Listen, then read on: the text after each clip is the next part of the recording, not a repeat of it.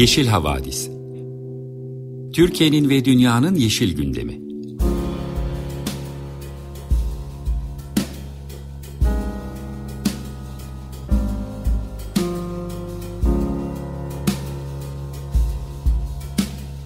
Hazırlayan ve sunanlar Selin Uğurtaş ve Savaş Çömlek.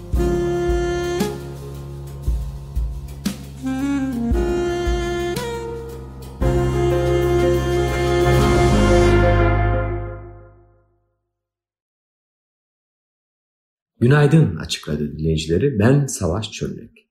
Selin Uğurtaş'la birlikte hazırlayıp sunduğumuz Yeşil Havadis programına hoş geldiniz. Geride bıraktığımız haftaya Yeşil Gazete'nin gördüğü yerden bakarak bu programı Yeşil Gazete ekibiyle birlikte hazırladık. Sizlerle buluşmamızı olanak sağlayan Yeşil Havadis programı destekçilerine de teşekkür ederiz. Bugünkü programımızda ekoloji ve iklim gündemine ilişkin birbirinden değerli haberlere yer vereceğiz. İklim gündeminde UNDP'nin yeşil dönüşüm 300 bin iş yaratacak raporu, deniz üstü rüzgar türbinleriyle ilgili hazırlanan rapor, Fransa'da yeniden açılacak termik santral ve Batı Karadeniz'deki selden bahsedeceğiz. Yine ekoloji bülteninde ise iklim şurası ile ilgili haberlere yer vereceğiz. Bir yandan da İliç'teki siyanür sızıntısına ilişkin kamuoyundan gelen, özellikle Barrow'dan gelen tepkileri gözden geçireceğiz. Bu haftaki röportajı sevgili arkadaşımız Selin Uğurtaş yaptı. Sahura Enerji Dönüşüm Merkezi'nden enerji analisti Ayşe Ceren Sarı ile Ukrayna'nın işgalinin yeşil dönüşüme etkileri üzerine konuştular. Haberlere ve röportaja başlamadan önce kısa bir müzik arası vereceğiz. Albert King Born Under a Bad Sign. Herkese merhaba. 95.0 Açık Radyo'da Yeşil Vadisi dinliyorsunuz. Ben Selin Urtaş. Sırada bu haftanın önemli iklim haberleri var. Bu hafta Birleşmiş Milletler Kalkınma Programı ve Uluslararası Çalışma Örgütü Ankara'da ortak bir analiz yayınladılar. Yeşil dönüşümün Türkiye ekonomisi için ne anlama geldiği konusunda epey iyi haberler verdiler diyebiliriz. Kısaca özetlemek gerekirse analizde şöyle diyorlar. Eğer Türkiye yatırımlarını fosil yakıtlardan güneş ve rüzgara doğru kaydırırsa önümüzdeki 8 yılda yani 2030 yılına kadar gayri safi yurt içi hasılasını 8 milyar dolar artırabilir. Bu aynı zamanda sera gazı salımının da 2019 yılına göre %8 azalması anlamına geliyor. Bu 8 burada bir kilit sayı olmuş gibi diyebiliriz. Bu süreç sonucunda aynı zamanda 300 binden fazla yeni iş yaratılması bekleniyor. Yeşil dönüşümün gerçekleşmesi için ciddi yatırımlar gerektiği hepimizin malumu. Bu rapor maliyetler yerine kazançlara odaklanarak önemli bir boşluğu dolduruyor diyebiliriz. E, Birleşmiş Milletler Kalkınma Programı'nın Türkiye temsilcisi Louisa Winton da bu duruma dikkat çekmiş. Şöyle diyor. İklim politikaları ile ilgili tartışmalar maliyetlere odaklanma eğiliminde ve bu da gezegeni korumak ve ekonomiyi muhafaza etmek arasında tercih yapmak gerektiği algısını yaratıyor. Bu çalışma ise bunun çok büyük bir yanılgı olduğunu gösteriyor. Yenilenebilir enerjiye yatırım yapmak ve hidrokarbonlardan uzaklaşmak, istihdamda büyük bir net artış da dahil olmak üzere kapsamlı ekonomik kazanımlar getirecek. Yeşil enerji bu nedenle bir kazan kazan senaryosu ve analize dayanarak ülkedeki liderlerin çok daha iddialı politika kararları almaları için bir alan görüyoruz. Bu raporun bir simülasyona dayandığını belirtmekte fayda var. Bu simülasyon Norveçli bir araştırma şirketi tarafından Uluslararası Çalışma Örgütü için geliştirilmiş ve şu ana kadar 15 ülke için bu simülasyon gerçekleştirilmiş durumda. Bu simülasyonda iki senaryo karşılaştırılıyor. Bir tanesi aynı tas aynı hamam diye özetleyebileceğimiz mevcut durumun devam ettirildiği bir senaryo. Diğeri ise enerji yatırımlarının fosil yakıtlardan güneş ve rüzgara doğru kaydırıldığı bir senaryo. Her iki senaryoda da yatırım düzeyinin aynı olduğunu vurgulamakta fayda var. Değişen sadece aynı miktarda yatırımın hangi amaçla kullanılacağı, yani fosil yakıtlara mı aktarılacağı yoksa rüzgara ve güneşe mi? İşte bu simülasyona göre yeşil dönüşüm Türkiye için oldukça avantajlı. 300 bin yeni işin ülkedeki 66 sektörün 63'ünde görüleceği belirtilmiş. Yenilenebilir enerji aynı zamanda yüksek nitelikli işler için talebin artması ve dolayısıyla bu becerilere yatırımın da artması anlamına geliyor. Yeşil enerji fosil yakıtlardan daha ucuz olduğu için bu alanda büyümek yatırımların enerji verimliliği gibi ilişkili alanlara yönelmesine de olanak sağlayacak. Son olarak tabii yerli kaynaklardan enerji üretmek enerji bağımsızlığı demek. Ülkemiz iklim şoklarının olduğu kadar fiyat şoklarına da daha dirençli hale gelecek. Yeşil dönüşüm sürecinde kaybeden esasen fosil yakıt sektörü olacak diyebiliriz. Bu gibi sektörlerden ayrılacak iş gücünün yeni sektörlere kaydırılması gerekiyor. Bu da yeni bir sosyal koruma sisteminin ortaya konması gerekliliğini doğuruyor. Yapılması gerekenlerden önemli bir tanesi bu dönüşümün aynı zamanda adil olmasını sağlamak. Raporun önerisi bu önlemleri finanse edebilmek için karbon salımı yüksek hanelere bir vergi getirilmesi. Bu vergilerin de kurulması önerilen adil geçiş fonuna aktarılması tavsiye ediliyor ve ardından da bahsettiğim sosyal koruma sistemleri gibi projelere e, fon oluşturulması planlanmış. Bu hafta yayınlanan bir diğer rapor Küresel Rüzgar Enerjisi Konseyi'ne aitti. Küresel Deniz Üstü Rüzgar raporuna göre açık deniz rüzgar endüstrisi geçtiğimiz yıl en iyi senesini yaşadı. 2021'de 21 GW yeni kapasite eklendi. Böylece küresel kapasite 56 GW'a ulaşmış oldu. Deniz üstü rüzgar konusuna küresel olarak ciddi bir iştah var. Bu da bu alandaki büyümenin öngörülerin üzerinde olacağı tahminlerine yol açıyor. Örneğin Küresel Rüzgar Enerjisi Konseyi geçtiğimiz yılki tahminini revize etti ve %16.7 oranında artırdı. Buna göre önümüzdeki 8 yılda yani 2030 yılına kadar tam 260 gigawattlık yeni deniz üstü rüzgar kapasitesi sisteme eklenebilir. Mevcut kapasitenin 56 gigawatt olduğunu hatırladığımızda bunun ne kadar ciddi bir büyüme olduğu daha net ortaya ortaya çıkmış oluyor diyebiliriz. E, işin güzel tarafı şu ki deniz üstü rüzgar enerjisinde ciddi bir büyüme potansiyeli hala var. Bunu sağlayan, sağlayan da yeni bir teknoloji. Bu yeni teknoloji yüzen deniz üstü rüzgar türbinleri. Daha derin sularda rüzgar türbini kurmayı mümkün kılıyor bu teknoloji. Çünkü türbinleri artık deniz yasağına sabitleme zorunluluğu ortadan kalkmış oluyor. 2022 yılında bu teknoloji artık ticarileşme aşamasına geldi. İngiltere, Çin ve Norveç gibi ülkelerde kurulumlar yapıldı. Rapora göre dünya çapında yapılmakta veya planlanmakta olan 700 gigawatttan fazla deniz üstü rüzgar projesi var. Bunların 120 gigawattı yüzen deniz üstü rüzgar türbini. Tabii bir yandan bu gibi olumlu gelişmeler yenilenebilir enerjiye geçişin hızlandığına dair veriler paylaşıyoruz ama bir yandan olumsuz gelişmeler de eş zamanlı olarak yaşanıyor. Bu haftaki röportajımızda özür diliyorum röportajımızda Ukrayna'nın işgalinin yeşil dönüşüme etkilerini etraflıca masaya yatırdık. Bu savaş bir yandan yenilenebilir enerji yatırımlarının hız kazanmasına neden oldu ama diğer yandan da bazı kazanımların kaybedilmesine yol açabileceği endişesini yaratıyor. Bunun bir örneğine bu hafta Fransa'da tanık olduk. Fransa 31 Mart'ta kapattığı kömürlü termik santral Saint-Avold'u önümüzdeki kış yeniden devreye sokmayı planlıyor. Enerji Bakanlığı bir açıklama yaptı ve dedi ki önümüzdeki kış ihtiyaç olması halinde Saint-Avold tesisini çalıştırabilme imkanını elimizde tutmak istiyoruz. Buna karşın daha önceki taahhütlerimizin de arkasında izlediler. Kömürle üretilen elektrik toplam elektrik kaynakları içerisinde %1'in altına tutulacak dendi. Macron da daha evvel ülkedeki kömürlü termik santrallerin tamamen kapatılacağını taahhüt etmişti. Fransa'da şöyle de bir şey oldu. Üç büyük enerji şirketi Total, EDF ve Engie ortak bir açıklama yayınladılar. Metin Journal du Dimanche gazetesinde yayınlandı. Avrupa'da gaz stoklarının ciddi ölçüde yetersiz olduğuna dikkat çekildi ve halka enerji tüketiminizi azaltın çağrısında bulunuldu. En iyi enerji tüketilmeyen enerjidir dendi. Benzer şeyler geçtiğimiz hafta Almanya'da yaşanmıştı. Rusya'dan ithal edilecek doğalgazın azaltılması sonucu oluşacak enerji açığının kömürle doldurulacağı duyurmuştu, duyurulmuştu burada. Oysa ülkenin planları enerji üretiminde kömür kullanımını 2030'a kadar sonlandırma yönündeydi. İşin daha da hazin tarafı bu yeni politikayı aynı zamanda Yeşiller Partisi'nin de eş başkanı olan Ekonomi Bakanı açıklamak durumunda kaldı. Son olarak iklim krizinin ülkemizdeki etkilerine dair bir haber paylaşalım. Dünyadan Türkiye'ye doğru gelelim. Artık yaz yaklaşırken endişeyle kuraklık, e, sel, yangın haberleri beklemeye başladık maalesef. Ve bu yazda bu haberler erkenden gelmeye başladı. Batı Karadeniz illerimizde yaşanan aşırı yağışlar ve sel çeşitli bölgelerde can ve mal kaybına sebep oldu. Öncelikle kısaca e, son durumdan bahsetmek istiyorum. Sonra da bunun iklim kriziyle ne gibi bir ilişkisi var? Bunun üzerine belki biraz konuşmakta fayda var.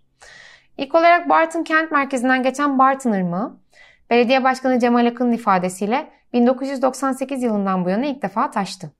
Birçok evin özellikle alt katlarını su bastı, birçok iş yeri sular altında kaldı. Yine Bartın'da bir barınakta mahsur kalan 56 köpek maalesef hayatını kaybetti. Bu köpeklerin 22'sinin yavru olduğu belirtilmiş. 300 köpek ise kurtarma çalışmaları neticesinde güvenli bölgeye alındılar. Bu ölümlerin yaşandığı barınağın sahibine Hayvanları Koruma Kanunu kapsamında 434 bin Türk lirası idari para cezası kesildi. Sel Sinop'ta da etkili oldu. Bazı yollar hasar gördü ve ulaşıma kapandı. Dere taşması nedeniyle 7 geçici köprü yıkıldı. Geçtiğimiz sene 11 Ağustos'taki sel felaketinde evlerini kaybedenlere Babaçay ve Zaviye köylerinde yer gösterilmişti AFAD tarafından. Şimdi bu son sel felaketiyle beraber bu evlerde geçici olarak tahliye edildi. Bu gibi haberler tabi bölgede vatandaşların kaçacak yeri kalmadığı hissiyatını da kuvvetlendiriyor maalesef. Düzce'de de sel nedeniyle kaybolan vatandaşlar oldu. Ev, iş yeri ve çiftlikler sular altında kaldı. Dere yatağı kenarında inşaat halindeki 5 katlı bir bina ise kısmen çöktü. Bu da bize dere yatağı e, kenarında hala neden inşaat yapılıyor bütün bu yaşananlara rağmen sorusunu yeniden sorduruyor. Düzce'nin, Düzce'nin Gölyaka ilçesinde sular altında kalan bir tavuk kümesinde 180 bin, 180 bin hayvan hayatını kaybetti. Geçtiğimiz Ağustos ayında sel felaketi yaşanan Kastamonu'nun Bozkurt ilçesi yine tehlike altındaydı. İlçedeki Ezine Çayı'nın çevresindeki evlerin zemin ve birinci katları boşaltıldı. Mahsur kalan ikisi çocuk dört kişi AFAD tarafından kurtarıldı. Bölgede bazı çaylar taştı, Şenpazar Köprüsü yıkıldı ve Kastamonu Şenpazar Karayolu'nda ciddi hasar meydana geldi. Zonguldak'ta ise Güliç Irmağı taştı. Bazı iş yerleri ve tarım arazileri sular altında kaldı. Mahsur kalan bir vatandaş itfaiye ekipleri tarafından kurtarıldı. Benzer şekilde Filyos çayının taşmasıyla birlikte ev ve iş yerlerini su bastı. Bu yaşananların bir yandan iklim kriziyle bir yandan da şehirlerimizin iklime dirençli olmayışıyla alakası olduğunu vurgulamakta fayda var. Küresel ısınma sele neden olan faktörlerin birçoğunu şiddetlendiriyor. Bu meseleyi detaylıca açıklayan bir yazı yayınlandı Yeşil Gazete'de. Başlığı iklim krizi sel riskini nasıl artırıyor? Buradan e, merak eden herkesin okumasını tekrar tavsiye ederim. Ben kısaca önemli bölümlerini aktarmaya çalışacağım sizlere. Kısaca özetlemek gerekirse küresel ısınma nem, sıcaklık ve buharlaşma artışı ile ilişkili. Daha sıcak bir atmosfer daha fazla nem tutulması anlamına geliyor. Daha fazla nem kısa ve yoğun sağanak yağışlarda artış yaratıyor ve sel riskini artırıyor. Öte yandan ekstra ısı yoğun yağışa neden olan hava sistemleri için daha fazla enerji demek. Buna bir de buharlaşmanın eklenmesi su döngümüzün aşırı hızlanmasına neden oluyor, yağış ve fırtınaları artırıyor. Bu durum yazıda şöyle özetlenmiş. Denmiş ki daha sıcak bir atmosfer daha fazla su tutar ve daha çok su boşaltır. İşin kötüsü aniden boşalan bu su pek bir işe de yarayamıyor. Çünkü çoğunlukla kurumuş olan toprak, toprak tarafından emilemiyor ve bunun sonucunda yeraltı suları da beslenemiyor. Kısacası önümüzdeki süreçte maalesef bu gibi felaketlerle artan sıklıklarla karşılaşacağız. Dolayısıyla bu gibi olaylara karşı nasıl daha hazırlıklı olabiliriz üzerine düşünmemiz gerekiyor. Örneğin geçtiğimiz sene Kastamonu'nun Bozkurt ilçesi sel felaketinden çok etkilenmişti. Selin ardından Yeşil Düşünce Derneği ve araştırmacı Özge Doruk ki biz de kendisini Yeşil Vadisi'de daha önce misafir etmiştik. Bölgedeki son durum hakkında çok faydalı bir rapor yayınlamışlardı. Felaketin akabinde verilen sözler ne ölçüde tutuldu? Bölgede hangi vatandaşlar yardımlara erişti? Hangileri erişemedi? Felaketin toplumsal ve psikolojik etkileri ne oldu? Bunları çok güzel anlatan bir rapordu. Şimdi bu son felaketin ardından Bozkurt ilçesiyle ilgili de şöyle bir bilgi ortaya çıktı. Bölgede 16 Mayıs'ta bir sel kontrol projesi ihalesi yapılmış. Ancak bu proje bu son yaşanan sel felaketinden 3 hafta önce ödenek yetersizliği nedeniyle iptal edilmiş. Bu durumu biz de bir günden Mustafa Bildirici'nin haberi sayesinde öğrenmiş olduk. Bu süreçte sanırım hatırlamamız gereken şehirlerimizi felaketleri düşünerek yeniden tasarlamamızın gerekliliği ve e, acilen gerekli önlemleri almaya bütçe ayırmamızın yine gerekliliği. E, bunları yapmadığımız müddetçe maalesef bu konuda önümüzdeki süreçte de canımız yanmaya devam edecek gibi görünüyor. Bu küçük hatırlatmadan sonra e, kısa bir müzik arası verip programımıza devam edeceğiz. Şimdi Larry Goldens, Jay Belrose ve David Plitch'ten Blueberry Hill'i dinliyoruz. Merhaba, 95.0 Açık Radyo'da Yeşil Vadisi dinliyorsunuz. Ben Selin. Sırada haftanın röportajı var.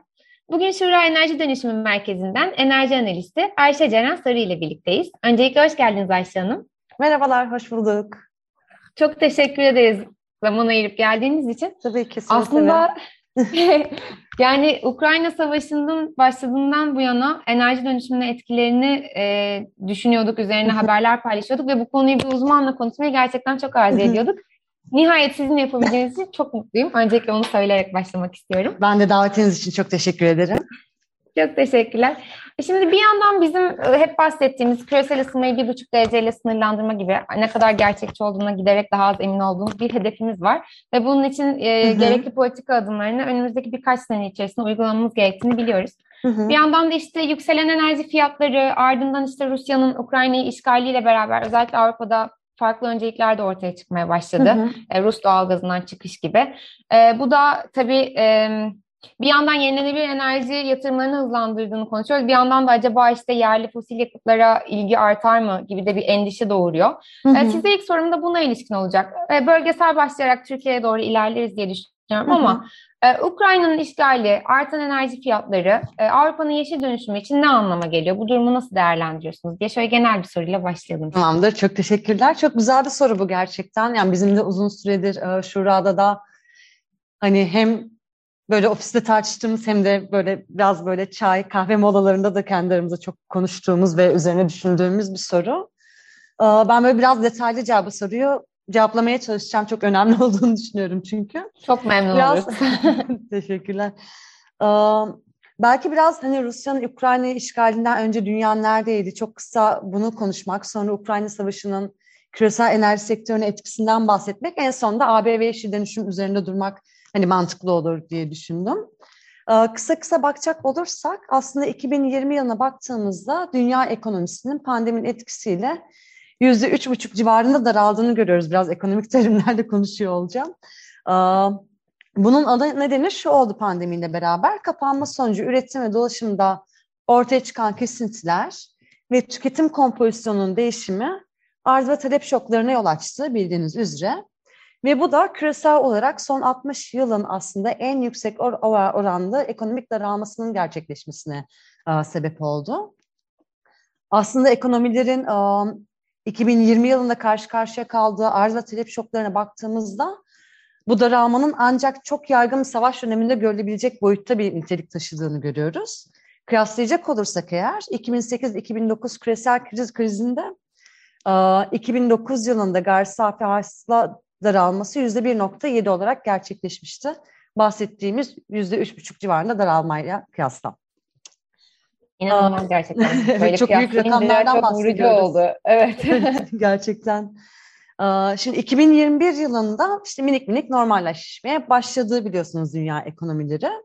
Bu başlayan normalleşme ile birlikte ekonomik aktivitede hızlı sayılabilecek bir geri dönüş olmaya başladı. Ancak kalıcı toparlanmanın sağlanmasının hali hazırda birkaç yıla yayılması bekleniyordu.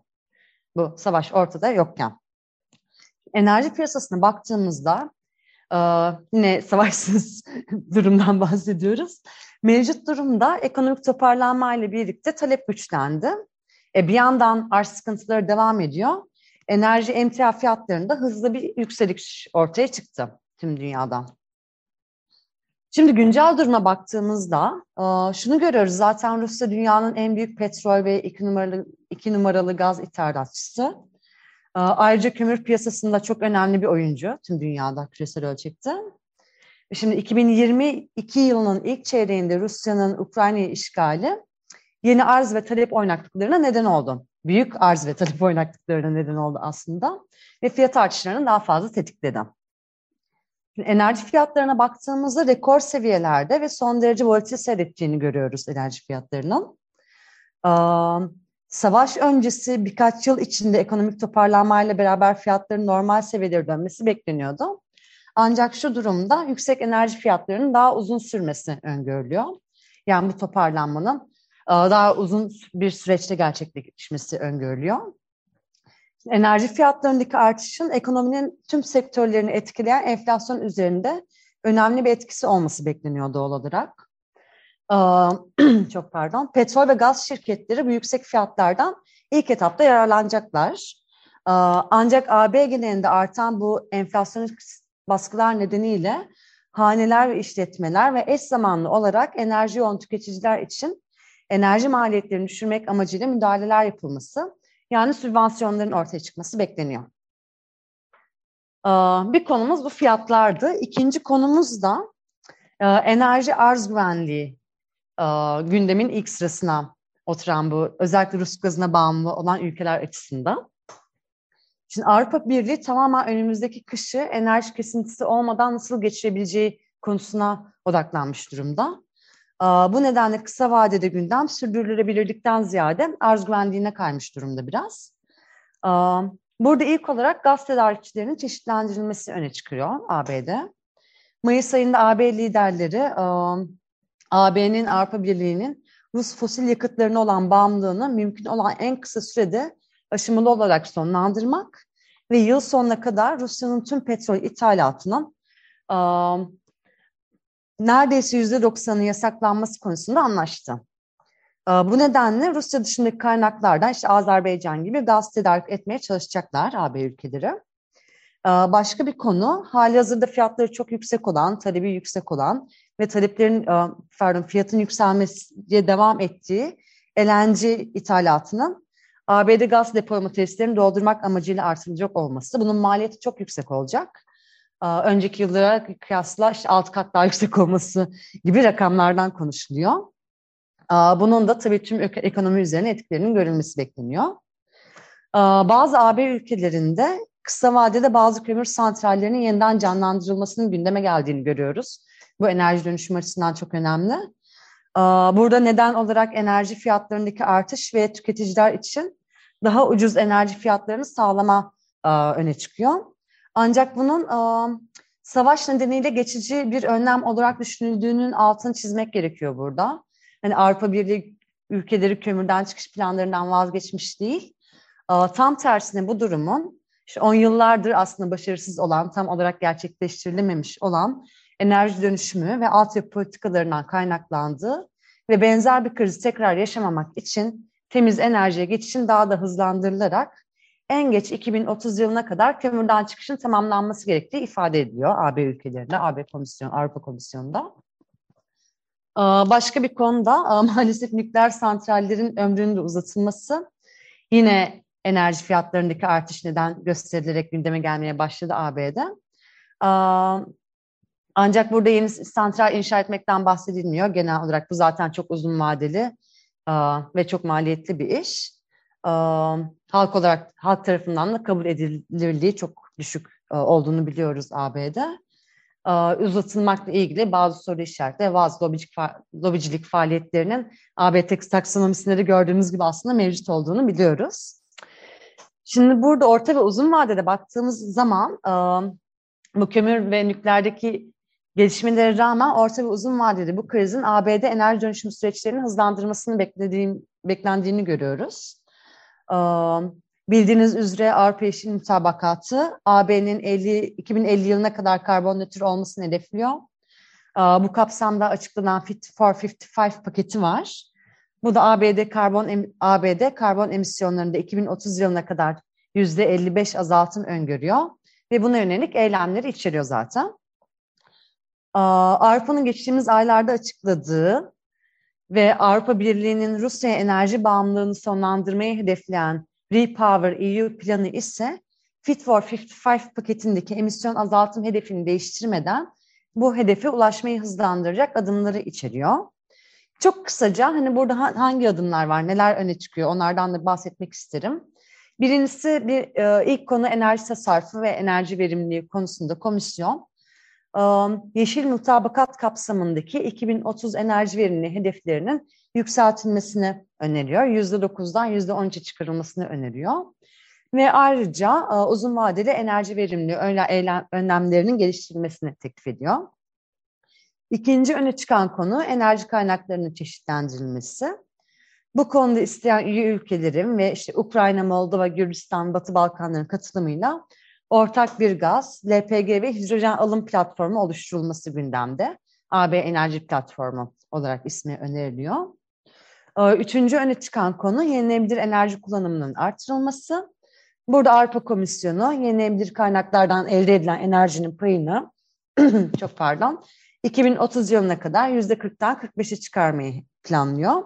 Bunun içinde çeşitli eylem planları üzerine çalışıyor. İşte örneğin AB güneş enerjisi stratejisi geliştirilmesi, bir solar çatı girişiminin başlatılması, ısı pompa kullanım oranlarının ilk katına çıkarılması, büyük yenilenebilir enerji projeleri için izin süreçlerinin sadeleştirilmesi gibi gibi gibi gibi diye özetleyebilirim. Şimdi hepsinin detayına girmeyeyim. Çok teşekkürler. e, Valla çok güzel bir özet oldu. Benim de biraz içim ferahladı. Çünkü e, yani çeşitli haberler giriyoruz. E, genel bir bakış açısıyla bütün bu farklı şeyleri değerlendirdiğimizde orta vadede nasıl bir resim çıkar e, bunu netleştirmekte biraz güçlük çekiyordum açıkçası. Hı hı. Şimdi sizin anladığım, sizden anladığım kadarıyla işte enerji fiyatları, doğalgazı farklı bir ülkelerden temin etmek, işte kömür nükleeri bir süre daha belki çalıştırmak gibi gibi şeyleri bile düşündüğümüzde esas amaçlanan yenilenebilir enerji dönüşümünü hızlandırmak hı hı. E, ve sadece o kısa süre zarfında e, enerji güvenliğini sağlamak için belki e, iklime zararlı olan e, kömür ve nükleer, nükleer iklime zararlı demeyeyim belki ama başka zararları olan e, bir süre daha faaliyette tutmak gibi bir tablo var anladığım kadarıyla ama evet, uzun vadede yeşil dönüşümün hızlanacağı bir tablodan bahsediyoruz gibi görünüyor. Evet. Çok teşekkür ederim. Bu iç ferahlatan bir bilgi oldu benim için. ee, şimdi Avrupa'dan gelince bir Türkiye ile ilgili bir şey sormak istiyorum size. Ee, işte Avrupa'da herhangi bir tartışma olduğunda hep Türkiye'de e, etkisi ne olur? Hani onlar bile bunu tartışıyorsa bizimkiler kesin e, işte doğalgazdan işte kömürden çıkmazlar gibi şeyler düşünüyoruz. Hı hı. E, bütün bu tartışma Türkiye'yi ne şekilde etkiler? İşte Türkiye'nin e, kömür yatırımlarında artış gibi bir şey bekleyebilir miyiz veya doğalgaz gibi fosil yakıtlarda ne gibi bir değişiklik bekleyebiliriz? Yoksa çok bir etkisi olmaz diye mi düşünüyorsunuz?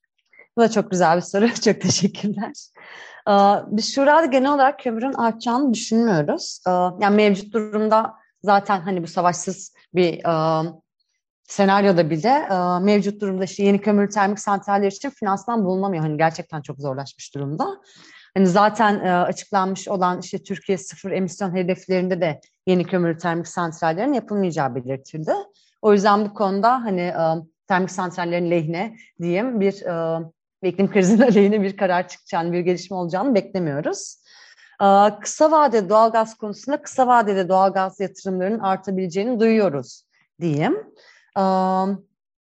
Ancak yine de hani artan enerji fiyatları göz önüne alındığında en mantıklı seçenek yine enerji dönüşümünü hızlandırmak. Yenilenebilir enerji kapasite kurulumlarını artırmak, işte enerji verimliliğini hızlandırmak olduğunu görüyoruz. Yani Türkiye'de de genel çerçeveye baktığımızda aslında çok böyle AB'den farklı bir durum yok hani bizce. Buraya gelmek de aslında çok güzel çünkü hani e, birkaç sene önce belki işte e, iyi ama pahalı noktasından hani Hı. hem iyi hem uygun fiyatlı hem bize ait e, bir sürü avantajın iyice ortaya çıktığı bir dönemdeyiz. Evet evet kesinlikle. Bunu da duymak güzel oldu.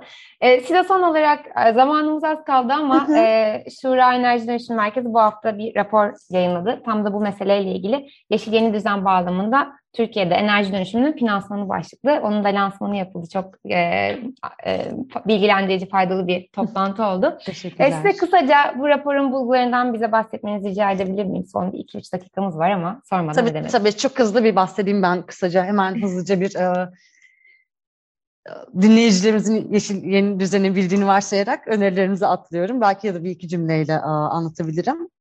Şimdi e, burada Türkiye'de işte yeşil, yeni yeşil düzen perspektifi tabii tüm ülkeler için öncelikle işte gezegenin sürdürülebilirliği açısından büyük önem taşıyor.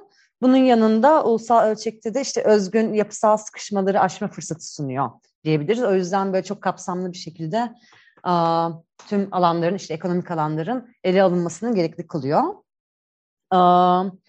Özellikle işte 2020 verilerine göre en büyük ticaret partnerimiz işte AB dolayısıyla e, biliyorsunuz. Bunun dolayımıyla Avrupa Yeşil Mülkiyet getirmesi beklenen yükümlülüklerin yanı sıra önemli fırsatlar da işte özellikle enerji dönüşümü, işte iklim krizine karşı eylemler alınması konusunda var. Şimdi biz şura olarak Türkiye'nin yeşil yeni düzen bağlamındaki yol haritası hazırlanırken ikisi esas, ikisi de tamamlayıcı dört tane politika alanına ilişkin derinleşmiş bir tartışma yürütülmesinin gerekli olduğunu düşünüyoruz. Bu politika alanlarındaki iki ana halka sanayide karbonsuzlaşma ile birlikte teknolojik dönüşümü içeren bir yeşil sanayi stratejisi ve uzun dönemli bir enerji dönüşümü stratejisi. Tamamlayıcı halkalar ise ticaret stratejisi ve yeşil finansman stratejisi. Burada yeşil sanayi stratejisinden hepsinden böyle çok kısaca bahsedeyim. Yeşil sanayi stratejisinde şunu görüyoruz. Zaten Türkiye'de sanayi üretiminin teknolojik dönüşümü ve dolayısıyla sektörel kompozisyon değişimi uzun bir süredir gündemde. Burada yeşil yeni düzen paradigmasıyla bu değişim bir yandan daha yakıcı hale getirirken bir yandan da ve önemli fırsatları değerlendirme fırsatı sunduğunu düşünüyoruz bu paradigmada. O yüzden enerji yoğunluğu dolayısıyla karbon emisyonu yüksek, teknoloji düzeyi düşük, katma değeri düşük ya da katma değer artırma olanakları kısıtlı sektörlerden işte orta yüksek, yüksek teknolojiyle e, enerji yoğunluğu düşük, katma değeri yüksek sektörlere geçiş açısından kritik bir dönem içte bulunduğumuzu düşünüyoruz ve bunun için yeşil sanayi stratejisini e, kullanabileceğimizi düşünüyoruz. Enerji dönüşümü stratejisine baktığımızda yeşil sanayi strateji, stratejisi ile uyumlu pardon sanayi, ulaştırma, binalar ve elektrik üretim segmentlerine ilişkin orta işte 2030'a yönelik ve uzun 2053'e yönelik dönemli hedeflerin tanımlanmasını öneriyoruz. Düşük karbonlu, yüksek katma değerli ticaret stratejisinde doğrudan ya da dolaylı ithal enerji ve ham madde içeriği yüksek ürünlerin ihracatından işte teknoloji, bilgi, tasarımla daha yüksek katma değer içeren ürünlerin ihracatına yönelen bir strateji. Aynı zamanda daha düşük karbonlu bir ihracat kompozisyonunu öneriyoruz. Yeşil finansman stratejisine de baktığımızda da işte bu yeşil yeni düzen kapsamındaki hedeflerle bu az önce saydığımız stratejilerle uyumlu, orta uzun vadeli, uygun maliyetli finansman olanaklarının geliştirilmesinin büyük önem taşıdığını a, düşünüyoruz.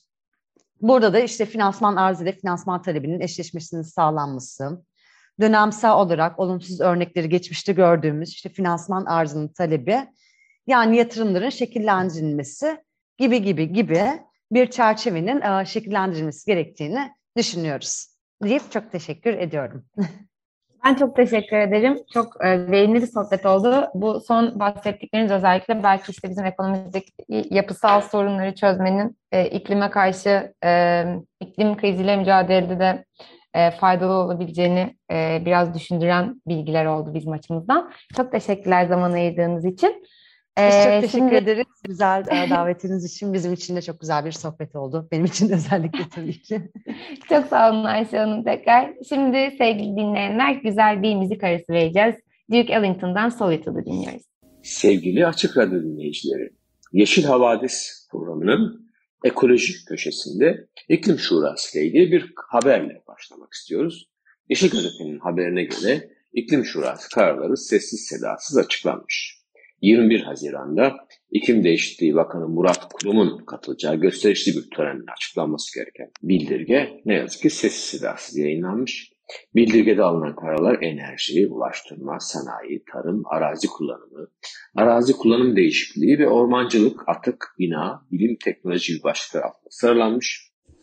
Ben de merak etmiştim niçin sessiz sedasız açıklandı acaba bildirge diye. Haberin devamında hepimizin merakını gidereceğini düşünüyorum. İklim Şurası'nda 3 ay süren yoğun çalışmalar sonucu iklim değişikliğiyle mücadelede 2053 net sıfır emisyon ve yeşil kalkınma hedefleri doğrultusunda 217 yeni karar alındı denilmiş. İklim uyumlu şehirler, iklim dostu tarım, kuraklık eylem planı, çevreci temiz ulaşım ağı, yeşil enerji, yeşil ekonomi ve iklim eğitimi alınan kararlarda öne çıkan başlıklar olarak sıralanmış bakanlıkça alınan kararların Türkiye'nin iklim değişikliği konusundaki taahhütlerini hukuki zeminde güçlendirecek iklim kanunun hazırlanmasında da önemli bir referans kaynağı olma özelliği taşıdığı belirtiliyor. İklim Şurası'nda ilgili uzmanların desteğiyle önemli konularda tartışmalar yürütülüp kararlar verildi.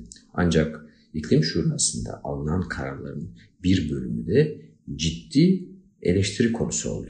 Bu eleştiri konuları nedeniyle bakanlığın kararları bildirgeyi sessiz sedasız açıkladığını düşünüyorum. En çok eleştirilen konulardan bazıları nükleer, kömür ve doğal gaza ilişkin yaklaşımlardı. Paris İklim Anlaşması'nın imzacısı olan Türkiye'nin kömürden çıkışa dair adım atmanın ötesinde kömür kaynaklı enerji ve nükleer enerji konusunda ısrarcı oluşu ciddi eleştiri kaynağı oldu. Ne kamuoyu tarafından ne ilgili uzmanlar tarafından onaylanmadı. Ayrıca kömürden elektrik üretiminden çıkış yerine karbon yakalama, kullanım ve depolama teknolojilerine odaklanılacak emisyon düşürülmesi için arz güvenliği, makroekonomik ve sosyal etkiler içeren çalışmalar yapılması gerektiği belirtildi. Nükleer ve doğal gaz üretim faaliyetlerinin artırılması gerektiğine ilişkinde bir maddenin olduğu dikkat çekici. Nükleer ve doğal gaz üretim faaliyetleri artırılma gibi fikirlere yer verilen bildirgede kim ve kimler bu fikri verdiyse ülkemizi zora satmak, vatandaşın vergilerini, ülkenin sınırlı gelirlerini çarçur etmek istedikleri açıktır. Her aklı selim insanın bildiği gibi nükleer enerjide, doğal gazda, diğer fosil yakıtlarda çöp teknolojilerdir. Yakın gelecekte kullanılmaları mümkün olmayacaktır. Küçük modüler reaktör ve karbon depolama teknikleri konusunda da söylenecek sözümüz var tabii ki. Gelişmiş ülkelerde dahi uygulamada olmayan fantezilerin peşinde koşacağımıza yenilenebilir enerji kaynaklarına yatırım yapılmalıdır. Aklın ve bilimin gereği budur. İklim Şurası'nda neler olup bittiğini daha ayrıntılı öğrenmek isteyenler için yine Yeşil Gazete'nin köşe yazarlarından iklim değişikliği uzmanı Ümit Şahin tarafından kaleme alınan İklim Şurası politika tavsiye kararlarına şer.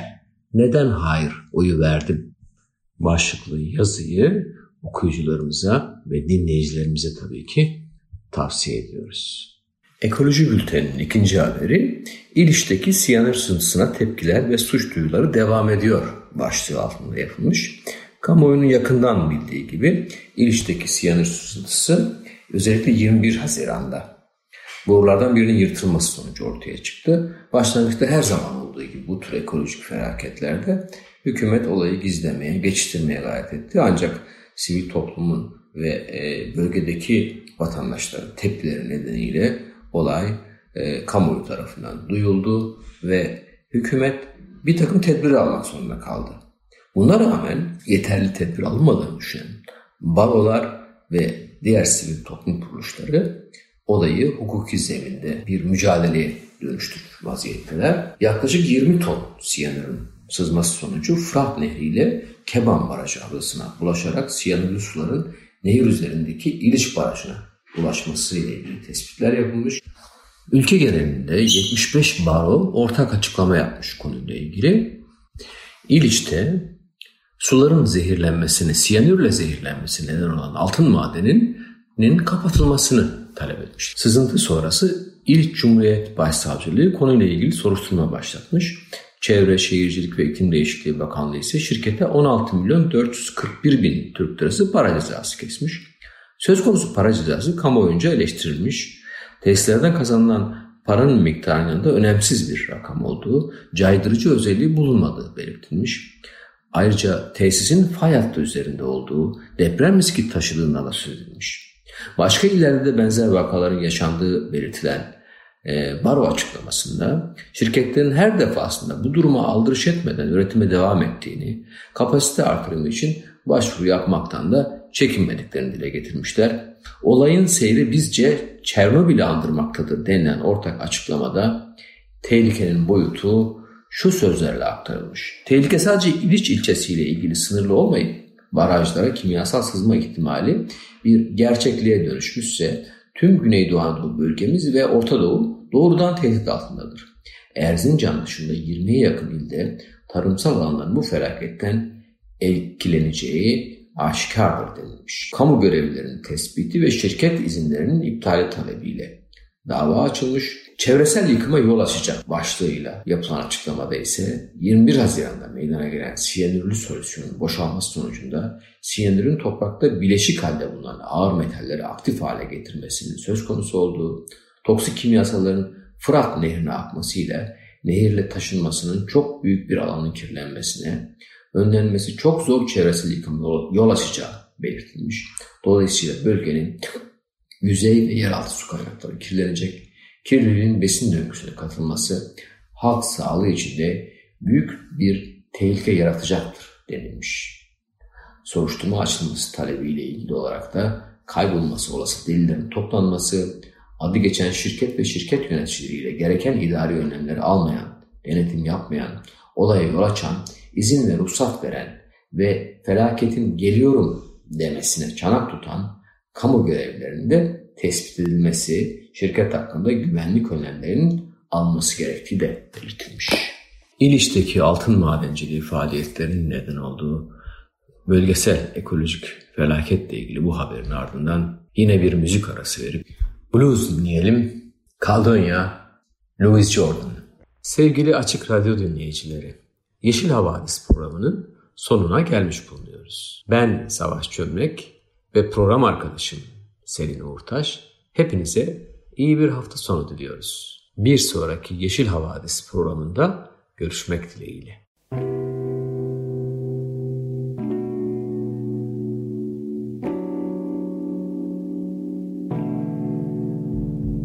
Yeşil Havadis Türkiye'nin ve dünyanın yeşil gündemi.